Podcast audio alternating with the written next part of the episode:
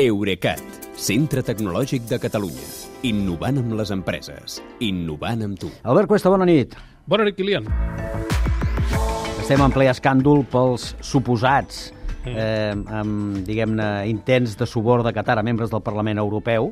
Uh -huh. Eh? N'hem parlat avui. Presumptes. Doncs, presumpte, sempre tot molt presumpte. La Sempre. Comissió Europea, sense cap mena de presumpció, ha sortit ja al pas de l'acusació de malbaratament al metavers, que ens explicaves eh, aquell dia d'ara fa una setmana i mitja, aproximadament, que ens vam quedar molt parats, Sí, eh, de tants diners ser- per tan poca gent. el dia eh? dos, sí, el sí. dia 2. Sí, potser ho recordareu. Eh, el programa Global Gateway de la Comissió, que és el que gestiona les inversions de Brussel·les amb ajuda internacional al desenvolupament, no se'ls va acudir res millor per interessar als joves europeus entre 18 i 35 anys que convocar una festa habitual al metavers.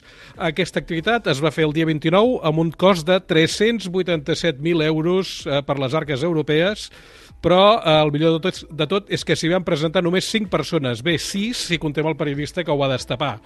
Ara la comissió diu que en realitat no van ser 6, sinó 300, eh, cosa que deixaria el cost amb 1.290 euros per assistent i no els 64.500 que es deia un començament. Ja. A mi l'explicació que han donat per aquesta discrepància em sembla, si més no, pintoresca. Diuen que el periodista hi va entrar a les 9 de la nit, que és l'hora que posava a la web de la comissió, quan en realitat l'acte estava convocat a les 8 i va durar fins les 11 de la nit.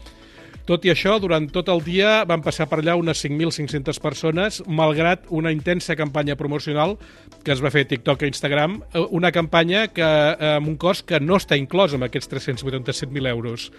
Uh, sigui com sigui, els responsables uh, comunitaris reconeixen que no es van aconseguir els, els objectius i que la plataforma aquesta, que la va crear Journer, que és una empresa alemanya subcontractada, ara que parlem de calés, per una altra agència de comunicació que es diu MS Group, necessita millorar. Potser per això tenen previst desactivar-la el dia 15, dijous que ve, tot i que asseguren que la podran reutilitzar sense haver de tornar a pagar. Com és que la comissió ha fet aquesta rendició de comptes? Doncs jo sospito que és perquè aquest cap de setmana eh, ha tingut lloc la primera reunió del Consell Directiu d'aquest programa, el Global Gateway, que amb, amb la presidència d'Úrsula von der Leyen i amb el català Josep Borrell com un dels màxims responsables.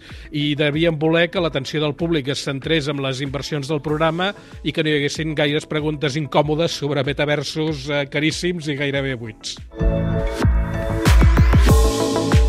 Quedem-nos a l'àmbit internacional, perquè el govern dels Estats Units està informant els ciutadans del perill de patir ciberatacs mentre són de viatge.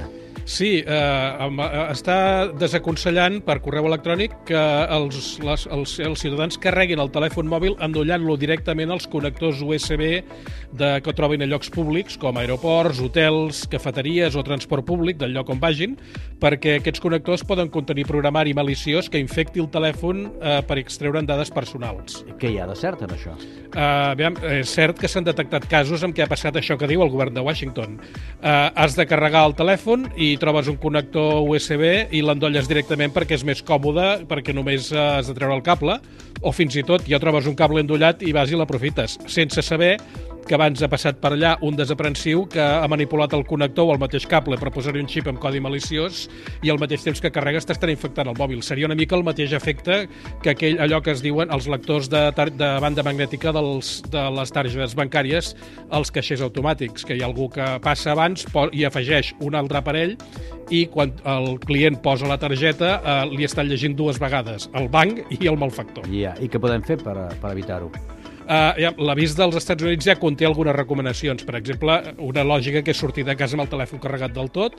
Si preveus que et quedarà sense bateria, que em portis una externa totalment carregada. I si, uh, tot i això, has d'endollar el telèfon en algun moment, que no ho facis als connectors USB, sinó a un endoll de corrent de debò, amb el teu propi carregador. Clar. I jo aquí n'hi afegeixo un altre, que no diuen, que és que si no tens més remei que endollar el mòbil a un connector USB, que facis servir servir una cosa que es diu un condó, un preservatiu USB. Perdó? Sí, sí, eh, es diu així eh, i és un petit adaptador de menys de 10 euros que per una banda porta un connector USB femella i per l'altra un USB mascle i a dins només interconnect, interconnecta els contactes de càrrega però deixa desconnectats els de dades de manera que per allà només hi poden passar vols, però bits no. Ja.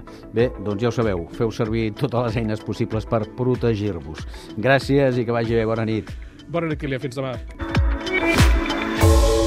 Eurecat, centre tecnològic de Catalunya. Innovant amb les empreses. Innovant amb tu.